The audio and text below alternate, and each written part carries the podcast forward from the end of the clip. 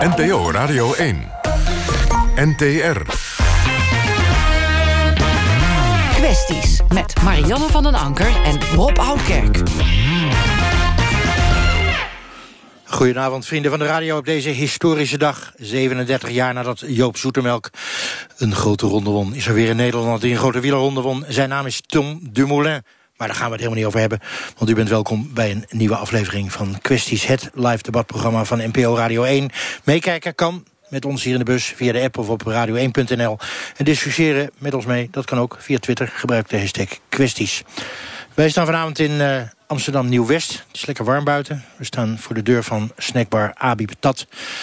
Abi Patat is zeg maar de buurtbroeder die ongeveer iedereen hier kent. Maar we staan ook bij banketbakkerij Nador en pizzeria Steakhouse. Dat is allemaal flink uitdagend in deze buurt. Waar je als moslim misschien op dit moment wel een pizza of een broodje of een zak patat zou willen halen. Maar dat kan niet, althans nu nog niet, tot zonsondergang. Want het is Ramadan, de vaste periode, die is begonnen. Dus je moet wachten, uur of tien, mag het eerste slokje water er weer in en de eerste hap eten. En dat gaat soms ook zeer uitgebreid. We gaan het erover hebben. Moet je als gelovige ja, die regels houden... of kan het tegenwoordig allemaal wel ook een onsje minder streng? Kan een ritueel zoals de Ramadan veranderen? Maar eerst naar collega Marjan van der Anker in Nieuwe Niedorp. Zij staat om de hoek van de kroeg die de ouders van Nico runden. En zij gaat onder andere met Nico praten. Marjan. Ja, dat klopt, uh, Rob. Wij staan hier in het uh, West-Friese Nieuwe Niedorp. Uh, jij hebt ook al die kroegen en restaurants genoemd. Wij staan hier voor de deur van Maurits Bar... waar Jesse Bolhuis eigenaar van is. We staan hier op het pleintje eigenlijk ook Nico Stammes... waar jouw ouders een kroeg runden... en waar jouw vader is overleden aan de alcohol. Letterlijk omgevallen aan de vieux. En wij staan hier met Robert Willemsen. Hij is voorzitter van de Koninklijke Horeca Nederland. Want wij gaan het inderdaad hebben over alcohol. Uh, Nico Stammes heeft net een uh, opinieartikel geschreven in de Volkskrant... en hij vindt dat we echt met z'n allen aan de bak moeten als land collectief... om te zorgen dat we meer tegen alcohol gaan doen. Zelfs hij gestopt op zijn negentiende. Zijn vrienden vonden dat niet zo leuk, want een lekker drankje... dat hoort er toch gewoon bij, anders ben je niet gezellig. We weten allemaal dat alcohol slecht voor ons is... en toch lijken we het minder serieus te nemen dan roken. Wordt het tijd dat we dezelfde afschrikwekkende plaatjes en leuzen... op flessen drank gaan zetten om ons meer bewust te worden van de gevolgen. Robert Willemsen vanuit uh, de Koninklijke Horeca is het daar niet mee eens. Um, maar we hebben ook hier vandaag gevraagd in Nieuwe-Niedorp... wat jongeren en ouderen en middenklassers ervan vinden. Luistert u even mee. Ik denk van niet. Want op sigaretten staat het ook is roken even goed. Nee, ik denk dat het niet helpt. Nou, ik, ja, net als op sigaretten vind ik het een beetje overbodig. Ik denk dat iedereen gewoon lekker moet doen waar hij zelf zin in heeft. Nou, ik vind dat je wel onderscheid moet maken tussen gedestilleerd. Dus uh, flink alcoholpercentages en uh, nou ja, bier en wijn. Dat, uh, het laatste zou ik het niet op willen hebben. Maar wel op de, ja, de hoge alcohol. Waarom? Zo. Nou ja, dat vind ik wel schadelijker. Dat lijkt me niet zo echt leuk als ik een fles wijn openmaak en er staat erop dat het dodelijk is. Dus ik, ik ben er niet echt voor, nee. Wel een beetje onzin. Ja, dat is niet echt nodig, denk ik. Je ziet het al op sigaretten natuurlijk. Ja, en dan gaan de, uh, de, mensen die het gaan verkopen... gaan dan toch ook weer iets nieuws verzinnen wat er overheen past... zodat je het niet ziet. Ja, misschien. Ik denk dat het voor uh, sigaretten ook wel afschrikt. Dus dat het misschien ook wel gaat werken voor alcohol. Nou, lijkt mij uitstekend plan. Of het helpt, weet ik niet. Maar het, uh, het schrikt wel af, denk ik. Ik denk niet dat het gaat werken. Ik denk niet dat het mooi is. Um, ik denk dat het voor de beginnende drinkers wel zou werken. Voor de jongeren die nu nog niet drinken. Maar ik denk dat het voor de mensen die nu al drinken... dat het daar niet voor gaat werken. Waarom niet? Omdat uh, ja, de meeste volwassenen die weten toch al dat alcohol niet heel goed voor je is als je te veel gebruikt. En uh, ja, daarom denk ik dat de mensen het in principe al wel weten. Ja, het is wel een goed idee, maar ze, ze, maken, de jeugd die denkt altijd het overkomt mij niet. En ze gebruiken in de zalen en overal waar feesten zijn, gebruiken ze drugs, alcohol, alles door elkaar. En wat je er ook op zet, ze zoeken altijd, want ze denken altijd, mijn overkomt dat niet, het is alleen voor een ander. Nou, dat is over het idee om etiketten op wijn, Bacardi, rum, noem het allemaal op... en ook die heerlijke fles wijn te zetten. Nico Stammes, jij vindt het een goed idee. Waarom? Ik vind het een van de briljante ideeën die er is. Ik vind dat het feestje heeft te lang geduurd. Uh, 150 tot 200 verkeersongelukken per jaar, uitgaansgeweld, uh, vele vormen van kanker. Uh, de helft van de ziekenhuizen ligt vol met mensen die alcoholgerelateerde problemen hebben. Het wordt massaal ontkend in Nederland. Niemand gelooft het. Het is alleen maar gezellig. En ik vind het feestje lang genoeg geduurd heeft. Er moet op de etiketten Umberto Tan en anderen moeten stoppen met, uh, met alcohol in een programma te hebben. Ik vind het te aanmoedigend. We moeten zelf ook leren om er midden badinerend en gemakkelijk over te denken. En de wetgeving moet aangescherpt worden. Het heeft met roken gewerkt, waarom niet met drinken? En jij zegt dat, Nico, uh, omdat jij ook in jouw persoonlijk leven, in jouw familie, een aantal forse drama's, tragische momenten mee hebt gemaakt als gevolg van die alcohol. Vandaag zijn jullie ook hier in Nieuwe Niedorp met de familie, omdat jouw zus eigenlijk vandaag 58 zou worden. Zij is een half jaar geleden overleden aan alcohol. Wie nog meer? Uh, mijn vader, mijn oom en ik, als ik hier het hele door het doorloop... ken ik er nog wel een flink aantal die vroegtijdig gesneuveld zijn. Mijn opa ging op zijn 58ste dood. Een andere oom op, op zijn 58ste. Het is een beetje paytime in het leven. En je begint te zien dat mensen beginnen om te vallen. En alcohol heeft ze gesloopt. En het is niet om uh, lullig te doen, maar niet een slecht DNA aan jullie familie. Het is echt nee. alcohol gerelateerd. Het is zeker alcohol gerelateerd. En uh, hier op het dorp hebben we voorvelden van. Die ken ik van dichtbij, omdat ik hier woonde. Die mensen goed gekend heb. Dus ja, ik vind het een vet probleem. En ik vind het allerbelangrijkste dat we het ontkennen. Dat niemand het onder ogen ziet. En met roken is het gelukt van 2003 tot 2015 om het te halveren. En van 2013 tot 2015 met een derde te verminderen. En dat moet ook met alcohol, want het loopt de spuigaat uit. Dus die etiketten erop. Robert Willemsen, voorzitter Koninklijke Horeca Nederland. Um, het is al een keer geprobeerd in Groot-Brittannië... om etiketten op alcohol te krijgen met leuzenplaatjes, et cetera. Daar is niet gelukt. Wat vind jij van het idee wat Nico Stammers nu naar voren brengt? Nou, uh, ik vind het allesbehalve briljant. Uh, laat ik vooropstellen dat ik, de, hè, dat ik de problematiek met alcohol onderken. Dus ik weet dat er problemen zijn. Uh, maar ik denk dat ze niet op de schaalgrootte plaatsvinden... als waarin hier wordt gesuggereerd. Hè. We zien vanuit vele onderzoeken dat de afgelopen tien jaar veel campagne is gevoerd... en dat dat positieve effecten heeft. De jeugd drinkt minder, begint later. Dus er gebeuren goede dingen. En laten we vooral ook niet vergeten... dat alcoholgebruik met mate ook voor plezier en genot in het leven zorgt. Uh, en we moeten, ik denk dat wij in Nederland ook uh, moeten stoppen met betuttelen. Dat betekent dat jij ook vindt dat de overheid vooral niet moet aankomen... met er moeten etiketten komen en afschrikwekkende plaatjes op flesjes. Zeker. Er is ook uh, een Engels onderzoek wat uitwijst dat het juist averechts werkt. Hè, dus dat het ook helemaal geen zin heeft. Uh, maar ik vind ook echt dat we uh, de kern van het probleem moeten we aanpakken. We moeten meer voorlichting doen, ook bij de jeugd. Dat is prima, die campagnes ondersteunen wij ook. We hebben een Nix 18 campagne, gezamenlijk met brouwerijen, met de overheid. Dat gaat helemaal prima, daar zien we ook positieve effecten van. Uh, maar we moeten niet doorslaan. Maar de overheid, uh, Robert Willemsen, voorzitter Koninklijke Horeca-vereniging Nederland... die zou toch ook kunnen waarschuwen? Er is toch niks mis mee? Nee, maar je kan ook waarschuwen. Ik denk dat mensen de problematiek uh, van uh, alcoholgebruik en te veel alcoholgebruik, want daar hebben we het over. Hè. En in heel veel gevallen wordt er goed met alcohol omgegaan. Die worden ook onderkend en er wordt ook voor gewaarschuwd, dat kennen we ook. Laat ik ook even benadrukken dat 80% van het alcoholgebruik vindt thuis plaats. Alcoholist word je ook niet in de kroeg, dat worden mensen thuis. En daar zit vaak heel veel problematiek achter. Dus daar moeten we uh, met z'n allen voor staan. maar ik vind dit echt iets wat doorslaat doorslaat met name vanuit de overheid die zich er zou mee bemoeien? Of zeg je, Nico, jij staat zelf door met jouw idee? Nou goed, ik, uh, ik, ik, ik, ik, waardeer het. Dat, en en ik, ik vind het verschrikkelijk wat meneer heeft meegemaakt. Laat ik dat vooropstellen. Uh, maar ik, ik waardeer het dat er initiatief worden genomen. Ik denk alleen dat dit initiatief niet realistisch is. Niet realistisch, verkeerde middel en betuttelend. Nee. Nico Stammers. En toch vind jij het een briljant idee om etiketten te plakken op flessen. Ja, wat ik uh, betuttelend vind is dat we in de School of Life leren om alcohol te drinken. Hier in West-Friesland gebeurt het vanaf je dertiende met een sneeuwwitje. Op je veertiende ben je voor de eerste keer dronken. Op de zestiende heb je de eerste komensuipers in de, in de kenniskring. En er wordt luidkeels ook door ouders geapplaudiseerd. Als dat nou uniek was voor West-Friesland... dan zou je denken, oké, het is een lokaal probleem. Dat denken veel. Het is landelijk een punt. Dus ik vind het een gigantisch issue. En bewijs, met roken heeft het gigantisch goed gewerkt. En je moet niet alleen over etiket hebben... maar de wetgeving werkt. Ik heb een heel mooi voorbeeld van. Toen ik van de week met iemand sprak, die zei... ik leerde drinken in West-Friese toen ik 14 was. En mijn dochter die bood ik een drankje aan. Die zegt, nee man, mag pas met 18. Dus in die zin is het één voorbeeld dat het uitmuntend werkt. Maar ik vind echt dat het dramatisch lager moet. 40% verslaafden of probleemdrinkers in Nederland, mannen. Jij noemt ook bewust West-Friesland. Daar staan we ook hier in Nieuwe Niedorp. Jesse Bolles, hele jonge ondernemer. De Maurits Bar is van jou. Uh, lokaal wordt er gezegd, we gaan naar de bar. Ja. Um, jij schenkt uiteraard niet aan 18 min.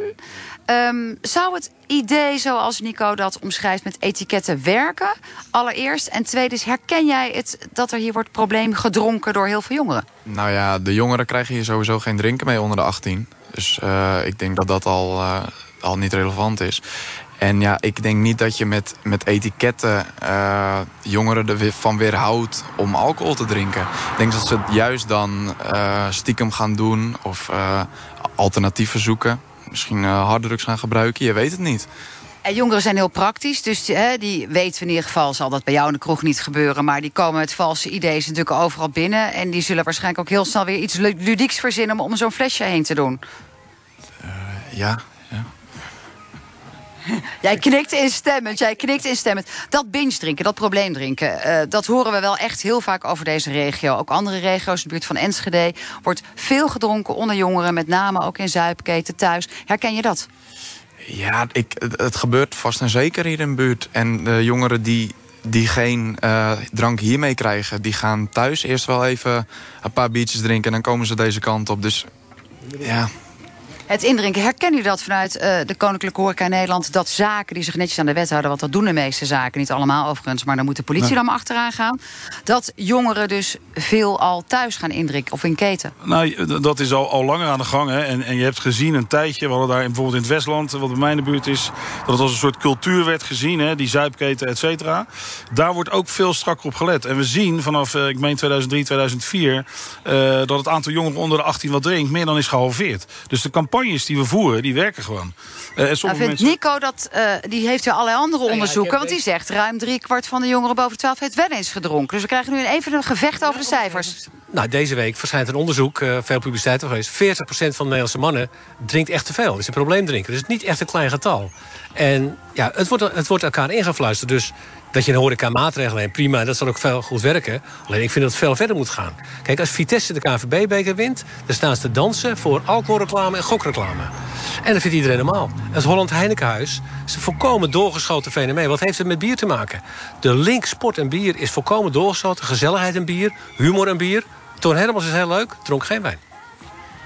Jeetje, um, dat betekent ook wel dat we in het dagelijks leven iets moeten doen. Hè? Nog even los van horecazaken, ondernemers... is het natuurlijk wel een punt wat Nico maakt terecht. Horeca is doorspekt in het sociale leven. Het is zo gewoon en gebruikelijk geworden. Wat zouden we anders kunnen doen? Want jij vond die etiket geen briljant idee, eh, Robert Willemsen. Nee, ik vind het zeker geen briljant idee. Uh, ik vind ook dat we vooral de waarde moeten blijven zien... van het gezellig met elkaar sociaal samen zijn. He, dat de controle op elkaar plaatsvindt is ook prima. Maar laten we nou alsjeblieft niet uh, voor ieder individu gaan vertellen... wat hij wel en niet... Wat is het volgende? Dat ik geen zak chips op de bank mag eten als ik tv kijk. Ik bedoel, we, we, we kunnen daarin doorslaan. Hè?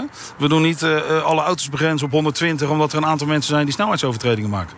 Nou, toch is een van de punten die Nico Stammers noemt... de sociale druk. Dat heeft hij zelf meegemaakt. Uh, Jesse, jij zit in een tent waar ook veel jongeren komen. Jij zit er denk ik ook in jouw eigen tent, ja, Robert. In die leeftijd. Hoe zit dat met die sociale druk? Hoe kunnen we kinderen daarin begeleiden? Nee, maar dat heeft... Kijk, je, tuurlijk is er af en toe sprake van sociale druk. En ik vind ook dat je erop moet letten. Dus ik vind het goed.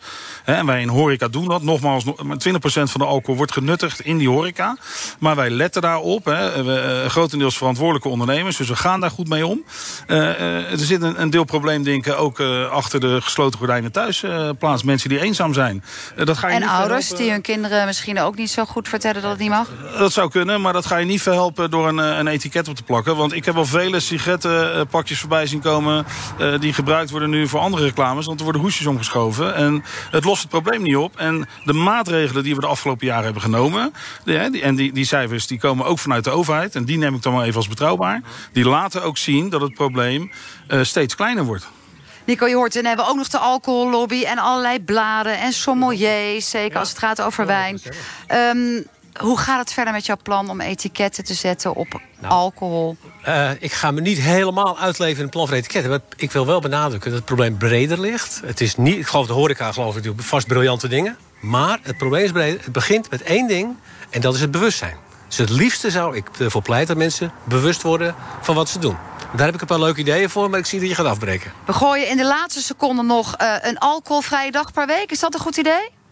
Dat moet, Robert? dat moet iedereen voor zich bepalen. Jij? Vind jij het een goed idee, beter dan etiketten? Wat ik een heel goed idee vind, is een alcoholvrij jaar. Maar we moeten het, uh, het optimale doen en niet het maximale. Nou Rob, je hoort het. Het idee van de etiket en met name de bredere uh, impact die alcohol heeft op ons als volk. Dat was Marianne van der Anker in de prachtige laagstaande warme avondzon in West-Friesland. Ja, waarschuwingen voor de gevaar van alcohol. Daar kunnen we hier in de bus in Amsterdam-West kort over zijn. Tenzij dat weer een verschrikkelijk vooroordeel is van mij. Ik zit hier namelijk met vier moslims die meestal niet drinken. Is dat eigenlijk een vooroordeel? Ik vraag het uh, Omar Karatsa, bestuurslid van het contactorgaan Moslim en Overheid. Initiatiefnemer ook van um, Hallo, wij zijn moslims. Waar moslims contact zouden moeten maken met niet-moslims. Is dat een vooroordeel, dat moslims niet drinken? Um, sorry, nog één keer. Is het een voordeel? Is het een vooroordeel? Nou, voordeel misschien dat ze niet drinken is het zeker. Nee, een vooroordeel. Dat ik gewoon denk, nou ja, moslims, dus die drinken niet. Uh, nou, het, het, in beginsel hè, is, het, is, het, is het een zonde om als moslim te gaan drinken. Uh, dat mag niet. Dat staat ook letterlijk in de Koran vermeld. Uh, maar heb je moslims die drinken? Ja, die heb je zeker. Wat vind je ervan? Strengere etikettering op allerlei alcoholische versnaperingen. Zou dat helpen? Nou, als het bijdraagt aan een uh, bewustwording uh, van de persoon... dat die wat, uh, wat, wat beter omgaat met alcohol... Nou, vind ik het zeker een maar goed denk je idee. dat het bijdraagt? Nee, ik weet het eigenlijk niet. Want ik weet niet wat de maatschappelijke effecten zijn van, van, van etikettering op sigaretten. Dus dat is voor mij heel lastig om te zeggen of dat het bijdraagt aan etikettering op, op, op alcohol. Die pakjes sigaretten staat volgens mij gewoon, dit wordt je dood. En dan steken ze het vrolijk op. En dat staat er in hele ernstige zwarte letters. Nou ja, even aan uh, Nermin El Samawi vragen. Je werkt in de modebranche. Ja, dat klopt. Um, ga ik weer met een vooroordeel. Dan denk ik altijd modebranche, uh, champagne, alcohol. Ja, klopt zeker. Ja? ja? En jij? Ik niet. Ik doe er niet aan mee. Want? Nee. Mag niet? Klopt, mag niet. Ja. Echt nooit aan meegedaan? Nee, nee. Nee, ja, ik heb het zo van uh, thuis uit meegekregen. En ik uh, denk altijd, als je iets nog nooit hebt gehad... dan weet je ook niet wat je mist. En als je met vriendinnen en vrienden uit bent... en die um, gaan allemaal aan de zuip, dat geloof ik... Dan, dan heb je niet het gevoel van, daar ga ik weer met mijn spaatje rood? Um, nou, ik heb wel heel vaak dat ik denk van... oké, ja, wat is dat dan zo speciaal dat het dan zo leuk maakt... om uh, als je uitgaat om te drinken. Maar ik moet zeggen dat ik het eigenlijk even gezellig heb als zij... of misschien nog gezelliger zonder alcohol. En ik ben ook een, uh, niet anders gewend dan dat. Dus het is eigenlijk uh, gewenning voor mij om niet te drinken. Semra Chelebi, juriste, oprichter van de Facebookpagina... I took off my hijab. Waarom in het Engels eigenlijk? Omdat Facebook, omdat je dan een groter bereik hebt. Oké, okay, dat is het is gewoon commercieel. Ik snap hem. Hey, is wel of niet drinken van alcohol een issue voor jou? Uh, nee. Het is geen issue. Ja, soms. Nou, waarom het geen issue? Ik vind het niet dat het thuis moet of zo. Ik vind het niet thuis horen. Want je hebt twee hele kleine kinderen. Ja, ik vind niet dat kinderen ermee op ja. moeten groeien, zeg maar. Als een soort van extreme gewoonte. Dus dat, dat is zeker wel heel bewust ervan. Maar uh, ik ben niet anti, nee, absoluut niet. Maar van huis uit meegekregen dat je niet mocht drinken? Ja, niet? Wel. Ja, ja, ja, zeker. En wanneer ben je uit de pan gevlogen? ik denk toen ik 28 of zo was. Oh. En, nu ja, ben, en hoe oud ben je nu? 36. Ah, dat valt nog wel reuze mee. Ja, toch? En, maar ben je nou gelijk geen goede moslim als je niet drinkt? Als je wel drinkt? Ja, maar dat is heel, dat is heel subjectief. Ik vind van niet. Ik, ik, ik, uh, mijn kader van moslim zijn is nu een andere. En ik zie hem als een hele persoonlijke. Omer, is zij misschien geen goede moslim omdat ze af en toe wat drinkt? Dat is niet aan een moslim te bepalen of iemand anders een goede of slechte moslim is. Uh, voor mij is het dat, dat schepper dat bepaalt. Dus Allah dat bepaalt. En niet ik als moslim zijnde. Oké, okay, nou die kunnen we het nu niet vragen. Altijd de Tolk, uh, jongerenwerker, rapper. Volgens mij drink jij wel eens een glaasje whisky, toch? Ik heb wel eens whisky gedronken, zeker weten. Dat klinkt als meer dan één.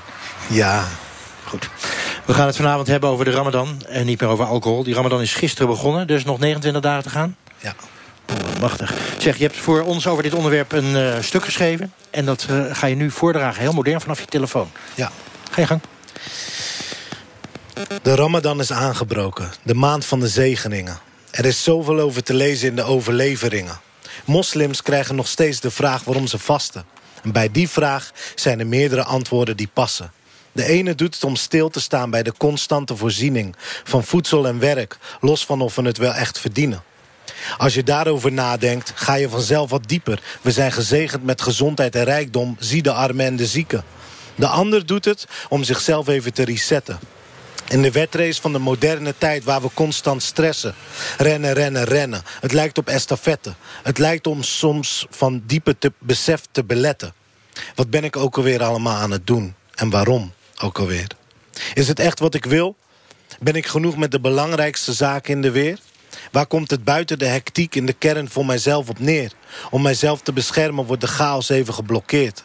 Een soort tussentijdse reflectiemaand. Een spiegel en een vergrootglas van en voor mijn bestaan. Sommige medemoslims gaan deze challenge niet meer aan... omdat ze het niet normaal kunnen combineren met een school of baan. Wie zijn wij om te oordelen over een ander? Waarom zie je een broeder of zuster opeens als tegenstander? Waarom voel je je beter puur omdat jij wel vast? Dan ben je met je veroordelende mening nog steeds een ander tot last. Gun je de ander wat je gunt aan jezelf? Een goed begin is het halve werk. Daarom zal ik je vertellen wat de ramadan met mij doet. Ik voel me ziek, fysiek veel zwakker maar mentaal ongelooflijk goed. Spiritueel voelt het alsof ik dichterbij ben. Dichter bij Allah, dichter bij mezelf en dichter bij mijn innerlijke stem. Maar dat betekent juist dat ik niet met mijn vingertje mag wijzen naar een ander... en zeggen dat die ander de bestraffing van, bestraffing van de hel zal krijgen.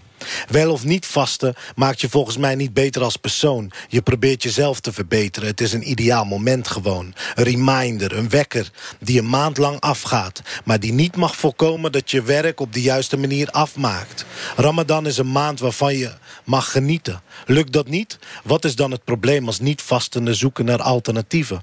Weer die veroordeling van een ander. Waarom ben je zo hard? Uiteindelijk schiet geen enkel ander mens de intenties in je hart. En dan uitgerekend jij die zo doet. Is toch wel apart. Je bent niet aan het reinigen, je maakt een ander zwart. Een vriend van me werkt bij BP. Als hij een fout maakt, ontploft de boel. Hij kan dus simpelweg niet vasten voor de veiligheid... maar zit toch met een schuldig gevoel. Niet minder, minder, minder. Maar toon elkaar eens meer begrip. Wat was er eerder? Het wijze eitje of de koploze kip? Nog even een opsomming voor de mensen die het niet weten. Tijdens zonsopgang en zonsondergang mogen vastende moslims niet drinken en eten. Niet vrijen, je niet laten verleiden en geen ruzie zoeken. Het liefst wijsheid delen, bidden en rusten met de neus in de boeken. Hoe meer je anderen ontmoet, hoe beter je jezelf leert kennen. Wees niet bang voor het vreemde, je hoeft het niet te zien als dat enge. Bezoek is een iftar, het moment om het vasten te verbreken. Ramadan is qua eten bijna kerst, maar dan vier weken. En als dat voorbij is, dan begint het suikerfeest. En dat is de drukste tijd van het jaar voor de tandenvee. Die zoetigheid, daarvan nemen we alvast een voorproefje. Door iedereen te respecteren in zijn of haar keuzes en behoeftes. Of je nou vast of niet, moslim bent of niet. Neem deze maand wat meer tijd voor jezelf. Ik beloof dat je geniet. Saha. Eet smakelijk zometeen. Geniet intens. Ramadan Mubarak. Veel wijsheid en zegeningen toegewenst. Waarvan acte en hartelijk dank, Alta de Tolk. En je krijgt zelfs applaus in deze bus. Hoe laat geen tafel? Uh, vijf voor half tien zit ik er, maar uh, kwart voor mag ik eten. Zei hij verlangend, ja, jammer dat het radio is. U zou eens moeten zien, uh, zijn ogen. Nou, nog even voor al die Nederlanders die, die nog nooit aan Ramadan hebben gedaan. Um, je hebt natuurlijk allemaal prachtig verwoord. Ja. Als ik daar nou een paar woorden uithaal. Mm -hmm. Resetten, dat sprak mij wel aan. Ja.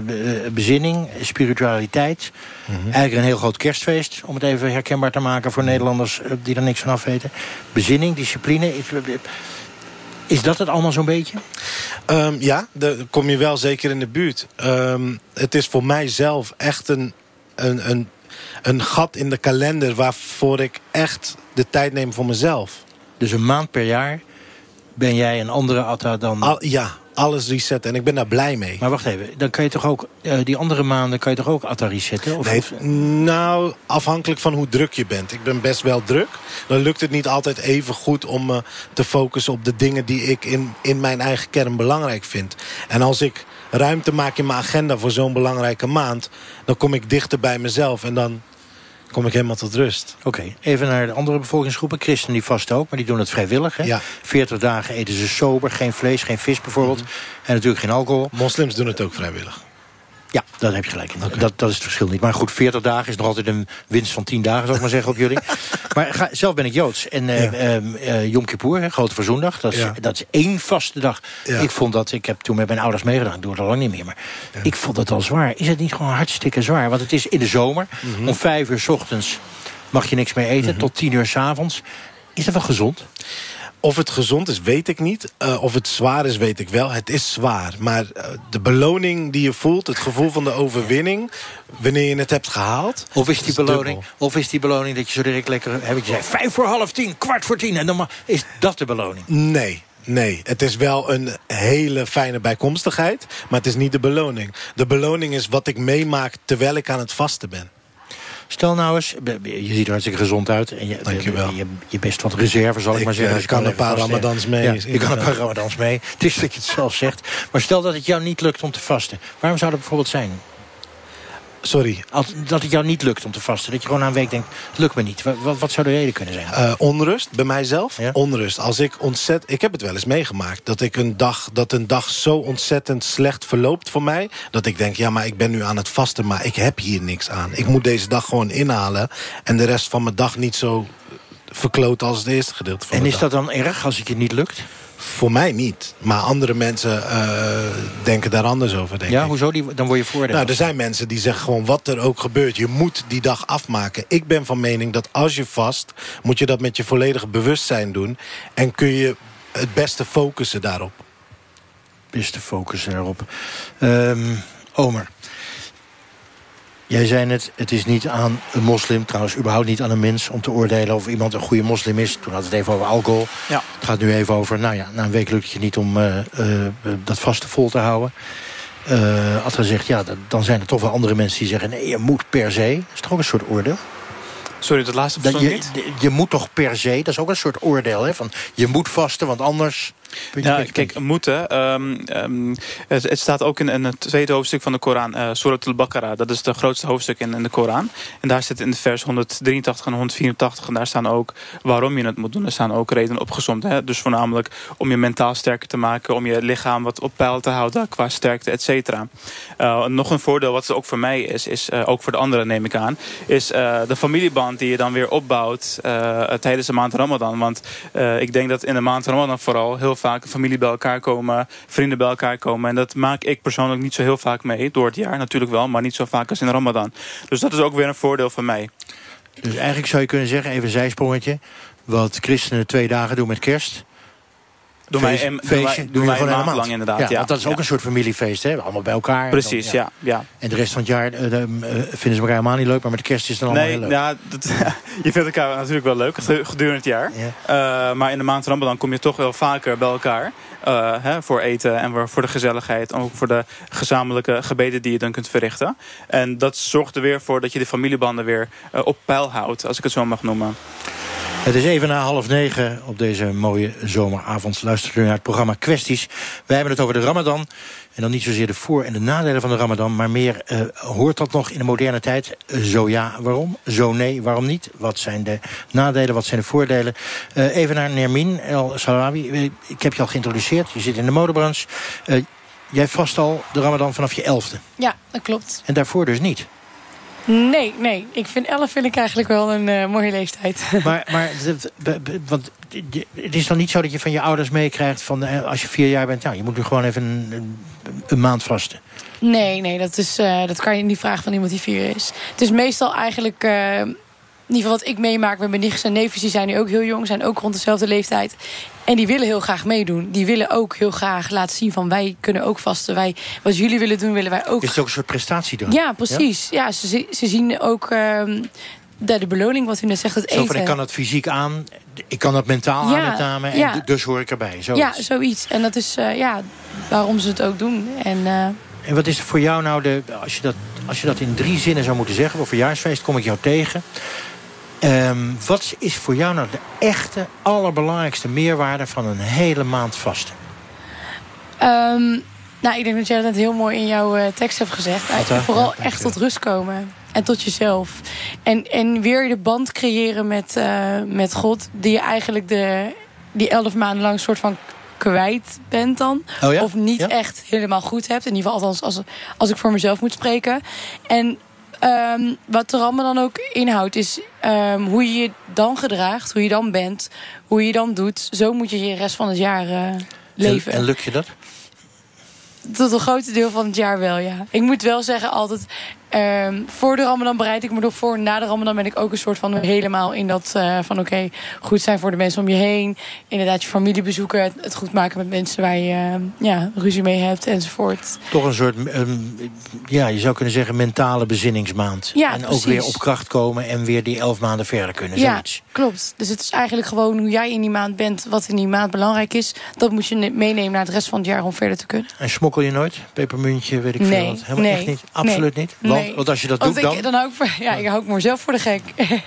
ik bedoel, eh, ja, al zou ik, mijn moeder zou ook niet tegen me zeggen van... eh, je moet voor mij vasten. Ik doe het voor, echt voor mezelf, dus Oké, snap ik. Maar bezinning, verdieping, eh, mentale weerbaarheid... dat komt allemaal van binnenuit. Dat komt niet van even smokkelen met een pepermuntje of een kauwgompje. Toch? Ja, maar daarom juist. Ik doe het dus voor mezelf en dus voor God. Dus ik, ik hou mezelf dan eigenlijk heel hard voor de gek als ik het dan zou doen. Dus dan, ja... Ja, waarom zou ik het dan nog doen als ik toch smokkel? Dan kan ik ook net zo goed nu gewoon gaan eten. En niet wachten tot vijf voor half Ja, tien. precies, ja. Dat heb ik goed onthouden, dat tijdstip. Eh uh, Semra Celebi, eh, ben je aan het vasten? Nee. Kom ik aan na twee verhalen. En drie verhalen. Nee, ik vast niet meer sinds ik eh, 28 ben, 29 ben. Dat was eigenlijk de leeftijd dat je met alcohol begon. Ben je gestopt met vasten? De, de, de- oh. Ja, of andersom. Ja. Ik weet het niet. Nee, dat zijn is een alcohol. periode dat ik eh, van heel veel dogma's afscheid heb genomen eigenlijk. Maar daarvoor deed je het wel, overtuigend Ja, ja, en overtuigd. Ja, ook vanaf mijn tiende denk ik. En hoe komt het dan opeens dat je op 28e denkt... en nou is het basta? Ehm, nou, ik, ik, voor mij, bij mij begon het met de hoofddoek. Dus eh, ik had daar heel veel research naar gedaan. Boeken over gelezen. Pro-boeken, anti-boeken, et cetera. En, en, en zo begon ik eigenlijk stap voor stap meerdere dingen... Waar, waar, waar ik eigenlijk zelf mee ben opgevoed, te bevragen. En een van die dingen was daarbij wel van... goh, wat, niet, niet heel bewust van wel of niet Ramadan... maar wat, wat als ik er nou eens mee stop, wat gebeurt er dan? En? Er gebeurde niks eigenlijk. Maar nou even terug naar de andere gasten. Dat is wel interessant. Ze zeggen allemaal... Ja. De een zegt het weer anders dan de ander. Het is een maand van... Je zoekt weer je naasten op. Het is een maand van bezinning. Het is een Ja. maand van... dat je mentaal weer weerbaar wordt. Ja. Dat doe jij wel in die maand. Maar zonder te vasten? Nou, dat is iets wat ik, waar ik sinds vorig jaar mee speel. Ehm, ik had het er ook met mijn oom over. Die over, zelf ook niet meer vast. En ehm, hij zei dus vorig jaar zei hij dat hij was gestopt. Dat hij in die maand in elk geval geen alcohol meer drinkt. Geen eh, eh, sigaret. Af en toe rookt hij wel eens een sigaretje. Dat ook niet doet. Eh, geen, ik geloof ook geen vlees eet. geen koffie. Dat soort dingen. Hij zei, ik vind het wel moeilijk. omdat, je, omdat hij veel netwerkdingen heeft. En toen dacht ik wel van ja, dat is volgens mij wel. Want toen ik mijn man leerde kennen, vastte hij wel. En eh, daar, ik zei van "Lu- luister, ik doe het niet meer. Maar ik, ik ondersteun jou wel. Doet hij het nog wel? Nog steeds? Niet meer. Niet meer. Je hebt hem overtuigd. Nou, ik heb, dat was dus bizar, want we voelden het wel, maar dat was niet mijn intentie. Nou, wat, wat, ik, wat ik interessant vond is... eh, kijk, voor mij was het, eh, het hele verhaal eromheen... eh, was voor mij niet meer helder.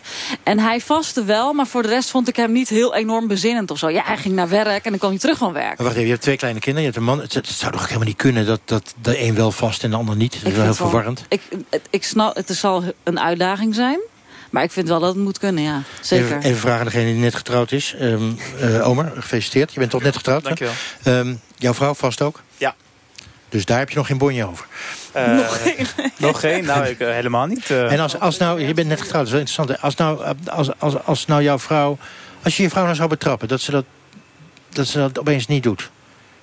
Net getrouwd? Ja. En je ziet er even de ijskast induiken en ehm, om een uur of drie middags. Wat, wat, wat, wat zou je gevoel daarbij zijn?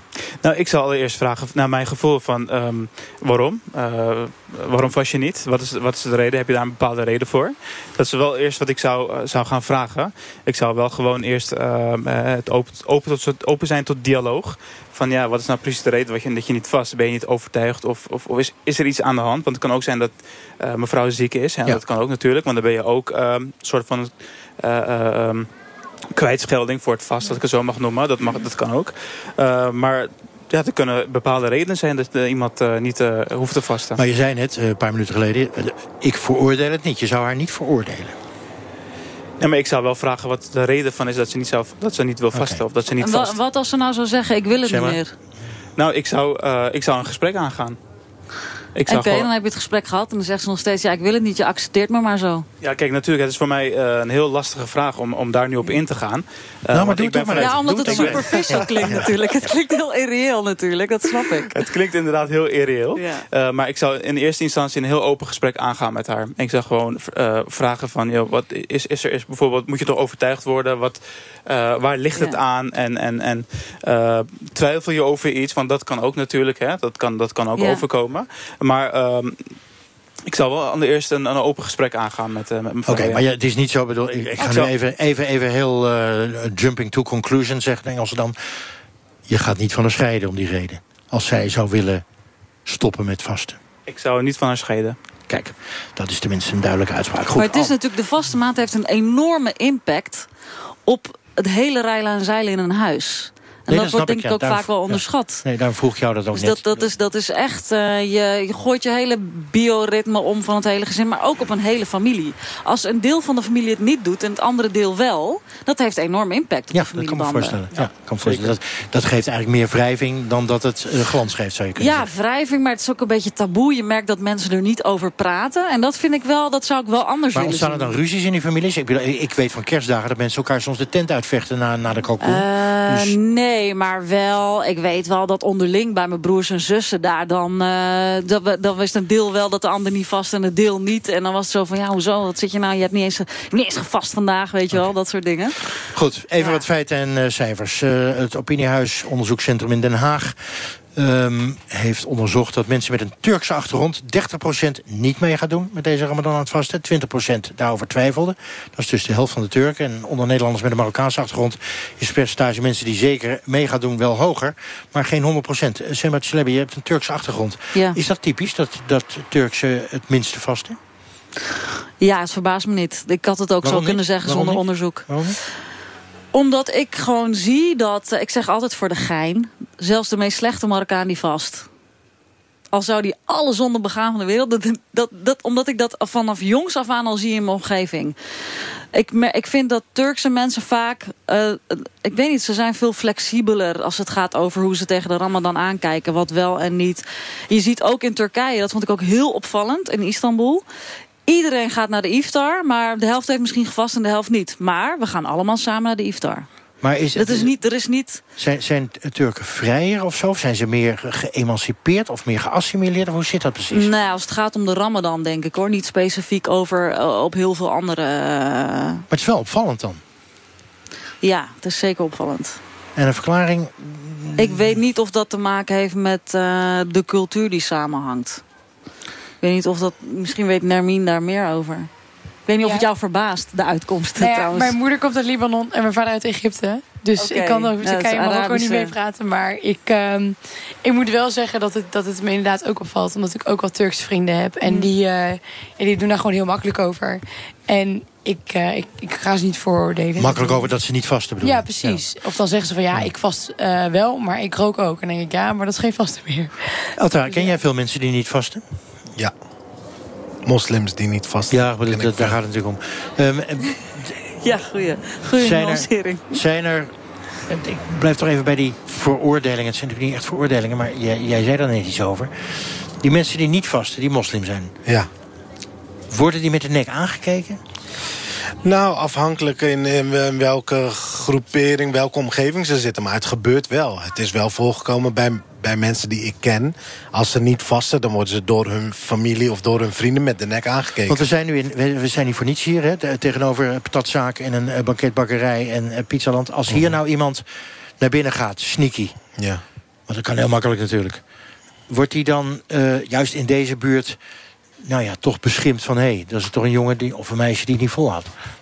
Nou, ik denk eerder, eerder hier dan in een buurt als Amsterdam-Zuid. Eh, dat komt natuurlijk door het percentage moslims dat je ziet in de wijk.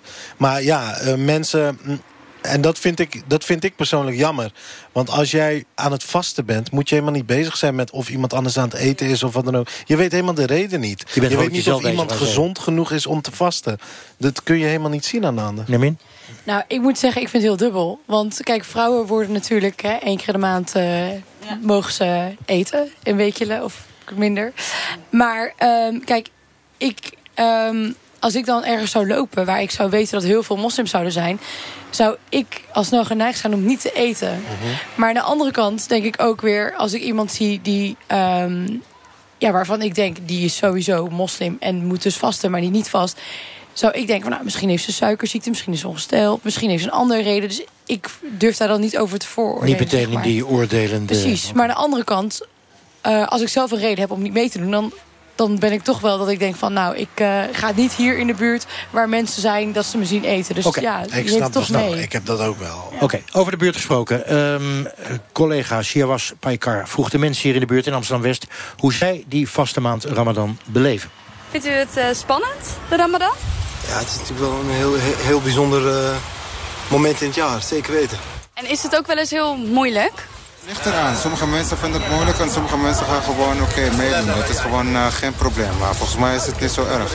Volgens mij helemaal niet moeilijk. Het is eh, gezond en goed. Laten we ons eh, voelen voor de arme mensen. Kent u mensen die dan wel eens toch een beetje stiekem iets eten of, of een slokje water nemen? Nee, we zijn een, eh, een, eh, een, eh, vrij, vrij land. Iedereen ze kan doen wat ze wil, maar volgens mij iedereen ze doet dat graag. Als het pronkelijk is, als het niet, dat is niet- geen eh, expres, dat is geen probleem. Dat ik gewoon doorgaan met, eh, met vasten. Maar als het gewoon, ja, eh, dat is gewoon expres, dan je kan niet meer. Dan is het gewoon klaar. Maar sommige, ja, ik, eh, ik heb zelf die, eh, deze ervaring, eh, heb ik, eh, die heb ik gehad. Dat ik een keertje heb met een eh, per dat ik, eh, ja, eh, eh, ik heb het vergeten dat het Ramadan. Dus ik heb een slokje water gegeven. Maar dat is gewoon, oké, dan is eh, niet zo erg. Dan kan het gewoon doorgaan. Een slokje water eh, gegeten hier in Amsterdam-West. We gingen ook naar Amsterdam-Noord. En daar is de bevolking veelal autochtoon. Eh, om de mensen daar, de niet-moslims, te vragen... wat zij van die vaste maand vinden. Mogen het voor mij doen hoor, Ramadan. Maar ze moeten het dan een jaar lang doen. Is het wel lekker rustiger. Dat is wel goed, denk ik. Omdat ze ook in onze feestdagen en alles komen, wat je allemaal leest. Ik heb respect voor elk geloof, maar je moet ook respect hebben voor een ander. En zolang dat van één kant afkomt en de andere kant niet, ben ik er tegen. Ik heb op de vullerswagen gereden. En als het dan de tijd van Ramadan was... en er was dan je had een Turks of een Marokkaanse bijrijder bij... één auto en dan konden ze niet meer. Kijk, en dan eh, zeg ik van dat kan niet. Hun man melden ze in die tijd ziek. En dat is ook niet goed natuurlijk. Ja, dat is, eh, dat is een probleem. Het is nou eenmaal zo, die heeft dat geloof en die heeft dat geloof. En uh, kun je toch niks tegen doen. Ik kom van een eh, andere tijd, hè. En toen was alles heel anders. En toen, en toen wisten we gelijk wat Ramadan was. Ja, het is nu helemaal veranderd natuurlijk. En eh, ja, ik vind dat het, eh, als ze dat willen doen, dan doen ze het maar. Iedereen die hier is, die van een ander land komt, hè, die hier gaat eh settelen, die moet zijn gedragen. En, en is dat niet zo, dan moet hij weg. Waarvan akte. Dat was Amsterdam-Noord. Ehm, nou, Simmer, we doen even gezelschapsspel. Eh zoek de vooroordelen. Zoek de vooroordelen. Nou ja, en wat je net gehoord hebt. Lijkt het Eh, ze moeten zo, zich maar- aanpassen als ze hier zijn. Ze gedragen zich maar. Ehm, eh, ja, hij kan maar één ritje rijden. Dan denk ik, gast, we leven in een diverse samenleving. Misschien moet je ze gewoon een maandje vrijgeven. Heb je daar wel eens over nagedacht? Kortom, eh, er is een verschil tussen Amsterdam-West en Amsterdam-Noord. Niet het eerste verschil. Eh, Omer, er wordt ook gezegd, ehm, eh, net in die reportage... dat mensen in de Ramadan niet goed kunnen werken. Hè? Bijvoorbeeld op zo'n vuilniswagen. Of dat ze zich ziek melden. Kan je eigenlijk wel goed werken als je van 's ochtends vijf tot avonds vijf voor half tien niet eet? Ja, kijk, ik heb zelf ook eh, vrienden die bijvoorbeeld arts zijn. En die beginnen in de ochtend vroeg al, beginnen ze al te snijden. En eh, ik vraag ook soms van, is het niet lastig? Want je moet ook, het vergt nogal een hele concentratie. Ja. En wat ik ze, ja, want je bent zelf ook baas dus jij weet wel. en en wat, ik van, wat ik van die eh, vrienden hoor, die arts, sommigen zijn baasarts, sommigen zijn chirurgen. En voor hun is het allemaal te doen. Eh, en wat ik al net zei, dat was het vooroordeel van net. Eh, ze kunnen maar één ritje rijden. Daar geloof ik zelf ook niet echt in. Ik bedoel, het is natuurlijk lastig. Eh, maar als we kijken hier bijvoorbeeld naar de islam. De islam neemt hier de, de, de, de, je gezondheid als basis. En niet wat voor carrière je hebt of wat voor werk je hebt. Ik bedoel, dat wordt niet meegenomen in de weging van... moet je nou wel of niet gaan vaststaan. Nee, Dus snap ik. Nee, ik snap je goed. En toch, ehm, eh, ik ben ook wel eens, ehm, eh, maar dan vanwege het gewicht, dagen aan het vasten. En dan voel ik toch smiddags om nu uur vijf, zes, voel ik me, ja, ik voel me nog wel lekker, maar ik ben nou niet heel erg alert. En stel ik ben chirurg en ik moet dan een belangrijke operatie doen, Dat vind ik toch linker soep? Of niet? Ja, kijk, wat ik al net zei. Ik bedoel, ik, ik, ik kan niet uit ervaring spreken omdat ik geen chirurg ben. Ik bedoel, ik heb wel vrienden die dezelfde ervaring hebben gehad, die die ervaring wel hebben gehad. En die zeiden geen En probleem. die zeiden van ja, dat is helemaal geen probleem voor ons. Eh, en, en wij doen het gewoon. Dus dat wordt eigenlijk overdreven. Je kan eigenlijk heel goed een dag Nou, maar ik zonder... denk dat we onze mentale kracht en onze fysieke kracht wel, over, eh, wel eh, o- onderschatten. Ehm, want ik denk wel dat iemand dat zeker wel aan kan. Eh, en laten we eerlijk zijn. Ik bedoel, dat is maar misschien een lunch wat je overslaat. En de andere twee maaltijden, dat krijgt een andere routine. Maar die blijf je nog steeds behouden. Als je nou die mensen in Amsterdam-Noord net hoort... snap je iets van die mensen? Of zeg je, eh, die leven toch niet in 2017? Het Nederland van nu. Nou, ik, ik, zou, ik zou ze adviseren om bijvoorbeeld eh, een keertje eh, mee te doen. eh, ook met de iftar. Eh, want ik, ik denk ook dat, omdat mensen de ervaring, de ervaring niet hebben hè, van het vasten... dat ze daar wel bepaalde ideeën van hebben. Maar ik denk dat als ze, zodra ze een dagje meedoen, of een dag of twee... dat ze daar wel een andere mening over zullen hebben. Eh Nermin, wat je een beetje hoort in de reportage is zo van... die ramadan, dat zoeken ze zelf maar uit. En als ze zo nodig moeten vasten, ja, vind ik daar belachelijk. En eigenlijk moeten ze, moeten ze gewoon zich maar aan onze gebruiken aanpassen. Als ik dat nou even wat minder fel maak. Is de moderne tijd, 2017... we leven hier met 104 zijn verschillende nationaliteiten... met heel veel geloven. Ehm, die ergernis, die, die mensen blijkbaar ook uit... Hè, die reportage over die ramadan, waar komt die vandaan? Ja, ik denk eh, gewoon vooral ehm, hoe nu de islam zeg maar eh, in het nieuws eh, naar voren komt. Dus ik kan het ergens misschien ook wel begrijpen. Maar aan de andere kant denk ik, ja, als ik aan het vasten ben en ik ehm, val jou nergens mee lastig. Ik doe gewoon mijn ding. Ik eh, kom naar mijn werk. En Wacht even, dat is wel interessant wat je zegt. Jij, jij vergelijkt dus met bijvoorbeeld al die reacties op eh, die mogelijke hoofddoek bij de politie. Ehm, mensen die vijf keer gaan bidden. Hè, er wordt ook weer over gezegd van hoe kan je nou vijf keer ehm, eh, naar de moskee gaan. Wat een Ja. flauwekul.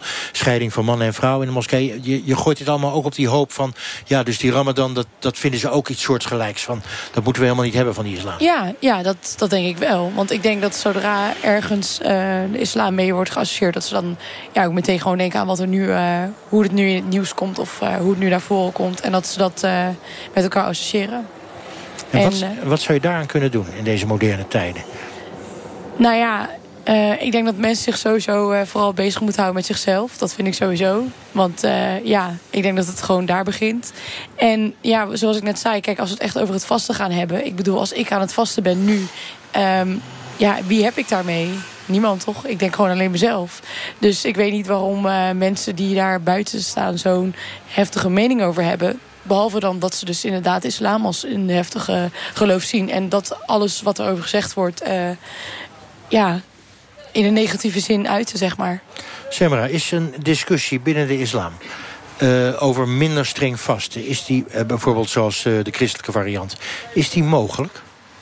Ik heb het nu niet over binnen jouw gezin, hè, want dat, dat is een duidelijke discussie geweest. Maar meer in het algemeen. Ehm, ik, ik vind het bij vast een hele moeilijke. Ik zou bij heel veel andere topics zeggen... ja, die is mogelijk en die is er misschien deels. Als het gaat over het vasten heb ik hem nog niet gezien. Ik heb hem nergens gezien, nergens gelezen. Ehm, ik zou... Mijn eerste rea- reactie zou, kunnen, zou zijn... eh, ja, die is mogelijk. Juist omdat je niet dan een ja of een nee hebt. Maar dat je dan ook ruimte kunt creëren voor mensen... die er helemaal afstand van hebben genomen. Dus w- wat Omer in zijn eigen gezin... dat was een fictief voorbeeld van mij... Hè, met, pas getrouwd met je vrouw... en wat jij in je eigen gezin hebt gedaan... dat zou in het algemeen ook wel kunnen, die discussie... maar je weet niet precies waar het uitkomt. Blijft het gewoon net zo streng... zoals het allemaal keurig eh, beschreven staat... in de nummers van de versen die Dat vraag ik me af als je, als je, als je moslims ziet eh, als eh, Amina Wadoud die het gebed voor die vooraan in het gebed, dat is natuurlijk een hele discussie. Omdat ze de afgelopen, in mei was zij in Amsterdam geloof ik. Dat zijn wel dingen waarvan ik ook altijd dacht dat staat gewoon rotsvast. Dat kan niet, daar kun je niet aan tornen. En nu zie je toch dat er een hele stroming is van vrouwen in dit geval die wel die verandering willen teweegbrengen. Met andere woorden, het kan wel. Volgens mij wel, ja. Deurtje op een kier. Eh, nou hoor je vaak van die lekkere voordelen. Hè. Nederlanders hebben een probleem dat ze vijandig staan tegenover de islam. eh, vanwege bijvoorbeeld al dit soort dingen zoals de ramadan. Of ligt het probleem bij de moslims dat ze die ramadan nou ja, zo duidelijk maken en zo duidelijk maken dit en zo duidelijk maken dat. Met andere woorden dat je in plaats van een dialoog toch meer het tegenover elkaar zetten van in dit geval bevolkingsgroepen met een bepaald geloof eh, terechtkomt? Of is dat... Ik denk dat Nederlanders er moeite mee hebben dat moslims al zo'n grote groep zo overtuigd zijn van een bepaald iets als de Ramadan. En daar daadwerkelijk een hele maand devoted over zijn. En dat is gewoon niet heel Hollands. Het is best heel principieel. Het is heel... Twee kerstdagen is wel genoeg, zoiets van je. Ja, ja, zo van doe maar gewoon, dan doe je al gek genoeg, zeg maar. Het is een beetje too much. En daar, daar zijn- hebben ze moeite mee. Daar kunnen ze niet echt mee omgaan. En het, eh, het, weet je, en het gaat ook door de generaties. Het is niet zo dat het op is gehouden met de generatie van onze ouders. Maar de tweede, derde, derde generatie gaat gewoon door met vasten. Oké, nou is het einde van de Ramadan het suikerfeest. ehm, dat is bekend. Vrolijke bol.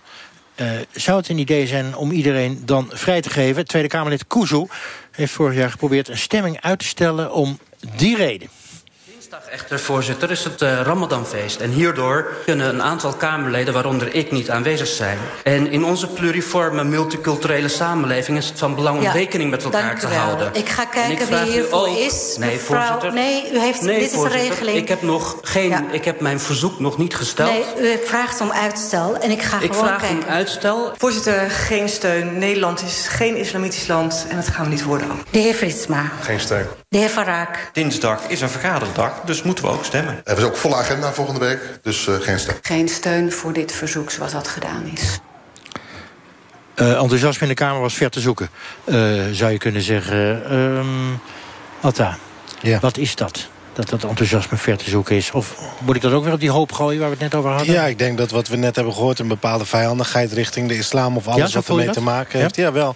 Want als je nou kijkt naar de, naar de eh, tweede Pinksterdag... tweede kerstdag, tweede paasdag... en wat ze daadwerkelijk inhouden voor die feestdagen... is het eigenlijk niks. Het is eigenlijk verzonnen door de overheid om maar vrije dagen ergens aan te plakken. Waarom kan je niet één van die dagen inruilen, bij wijze van spreken?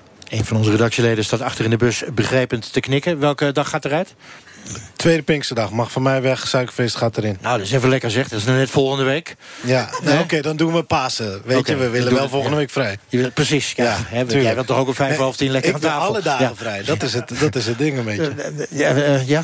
Ja, ik vind, kijk, tuurlijk, kijk, als ze zeggen van ja, eh, dat suikerfeest, dat, eh, dat gaan we niet doen, want eh, hè, we, ze zeggen het heel duidelijk, we zijn geen islamitisch land, prima. Maar dan moet je ook niet versteld van staan als ik weet niet hoeveel moslims hier eh, vragen of ze vrij willen zijn, kunnen zijn met eh, suikerfeest. Dus dan, daar moeten ze het dan ook mee doen. Maar Dus, is de eh, oplossing, ehm, eh, vraag ik ook maar even aan Semra... is, de, is misschien ook wel vanuit de juridische hoek... eh, is dat een soort verworven recht? Tweede Pinksterdag, tweede Paasdag, tweede Kerstdag? Het is zeker een verworven recht, ja. Dat, eh, dat- je hebt het recht om op die dag vrij te Nee, ik hebben. bedoel, je zou het kunnen juridiseren. Hè? Dat je zegt, we, we gooien tweede Pinksterdag Ja, ja, voor ja, zo'n zeker. eruit. En dat, dat, dat je Ja. voor de rechter dan die tweede Pinksterdag gaat zitten opeisen. Zoiets. Ik weet niet of je dat voor de rechter eh, kunt eh, klaarspelen. Dat vraag ik me af. Zou, je zou wel in de media komen, dat weet ik wel. Dat sowieso natuurlijk. Maar ik, ik, ik, denk, ik denk niet dat je het op die manier kunt doen. Dat je het kunt inruilen. En daar pleit ik, zou ik zelf ook niet voor pleiten. Ik ook niet. Ik ben zelf in een christelijk dorp opgegroeid. Dus die dagen zijn wel heel erg belangrijk daar. Ja. Ehm, dus ja, in, in Amsterdam zou je kunnen zeggen... je ruilt de ene dag voor de andere dag in. Maar dat zou niet landelijk... eh, ik, zou, ik zou willen pleiten voor een In extra Hoensbroek ligt het weer anders, zou je zeggen. Ja, zeker weten. Als ik ergens zou werken, dan zou ik, zou ik bijvoorbeeld vrij vragen op suikerfeest. En als ze dan van mij als tegenprestatie willen hebben... dat ik op Tweede Pinksterdag ga werken, dan prima, dan ben ik er. Oké, deze discussie sluit ik even af. Eh, we hebben nog een paar minuten. Wat ik nou interessant vind, drie van jullie eh, zijn overtuigd en overtuigend aan het vasten. eh, eet je niet. Dan zou je kunnen zeggen, dat is een verschil. Maar bij alle vier hoor ik eigenlijk, zei het in andere bewoordingen... heel veel over dat je je die maand mentaal wil resetten. Ik gebruik maar even jouw woord uit je rib, Atta. Dat er bezinning komt, dat het eigenlijk iets is wat je of met vasten of zonder vasten gewoon altijd zou kunnen doen. Oh, maar is dat vasten nou echt nodig? Want je kan natuurlijk ook bezinnen, even los van dat het erin staat en dat je het moet doen. Maar je zou ook prima zo'n maand kunnen nemen en kunnen bezinnen, met je familie kunnen zijn en reflecteren zonder dat vasten. Ja, het is, het is namelijk de beloning die je, die je krijgt eh, eh, van de schepper eh, in de maand Ramadan. En de maand Ramadan wordt ook letterlijk genoemd. Dus ja, je kunt het altijd doen, maar in deze maand word je extra daarvoor beloond. En wordt ook extra voor aangemoedigd dat je het in deze maand juist moet gaan doen. Dus dat zou kort mijn antwoord zijn. Hermine, zou het kunnen zonder vasten? Ehm, zonder maat Ramadan bedoelt u? Nee, gewoon die, die- al die, hè, waar we het over gehad hebben... met name in het begin van de uitzending... die reflectie, eh, mentaal je weerbaar maken... je weer Mm. voorbereiden op de volgende elf Nee, maanden. ik denk dat echt dat er... Dat wij als moslims echt een maand zoals deze nodig hebben om verder te kunnen gaan. Met vasten, zeg jij. Alta, vasten. jij zegt ook met vasten? Ja, vast en zeker. Vast en zeker, dat is ook een mooie trouwens. Vast en zeker. Nou, Simra, eh, we vragen het toch nog aan jou. Met vasten, zonder vasten. Maakt het verschil na je 28e, voor je 28e? Het, het maakt een verschil in die zin dat je ontzettend andere mindset hebt- op het moment dat je de hele dag niet aan het eten bent. Ik dank jullie voor jullie bijdrage. En ik wens jullie veel sterkte, plezier. De komende 29 dagen. En Atta gaat lekker eten om vijf voor half tien. Eh, wij zijn, en jullie allemaal volgens mij. Wij zijn ook benieuwd eh, naar uw mening. Dus discussieer met ons mee op Twitter met de hashtag kwesties. Of kijk op onze Facebookpagina. Tot zover deze uitzending van kwesties. Zometeen Radiodoc over het programma Uitlaat van Wim de Bie. Dat 35 jaar geleden te horen was. Hier waren ook voor het eerste duo Coat en Biet te beluisteren. Die later grote bekendheid kregen. Wie weet het niet. Die banden uit die verhuisdozen zijn gedigitaliseerd. En Wim de Wie luistert naar fragmenten van de clichémannetjes... Johnny de Zelfkikker en W.F. Hermans. Het blijft nog lang en mooi licht vanavond. Ik wens u een prachtige zomeravond. Iedere werkdag een nationaal radiomoment. Het hoorspel De 100-jarige man die uit het raam klom en verdween. Onschuldig. Jij hebt onze grote leider niet beledigd. Nog tot begin augustus dagelijks in de Nieuwsbv. Elke dag om kwart voor één 's middags. Dus ik, denk, ik, ik heb toch geen tijd om elke dag... Dus je kan het, niemand kan het volgen, volgens mij in Nederland. Speciaal voor luisteraars als Mark Marie is er de wekelijkse podcast. Wat? En vrijdagnacht, meteen na het oog, een samenvatting van maar liefst een half uur. Oh. De 100-jarige man die uit het raam klom en verdween. Zonder zijn leiding zou de wereld afglijden tot waanzin. Op NPO Radio 1. Het nieuws van alle kanten.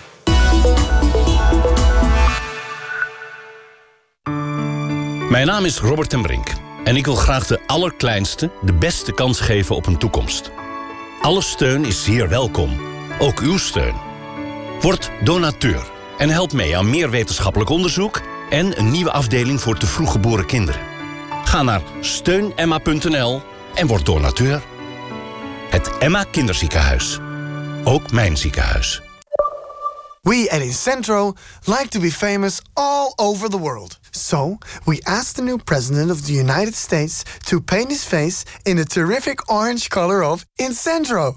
And look, he's actually doing it every single day. This great piece of fake news is brought to you by Incentro, an IT company.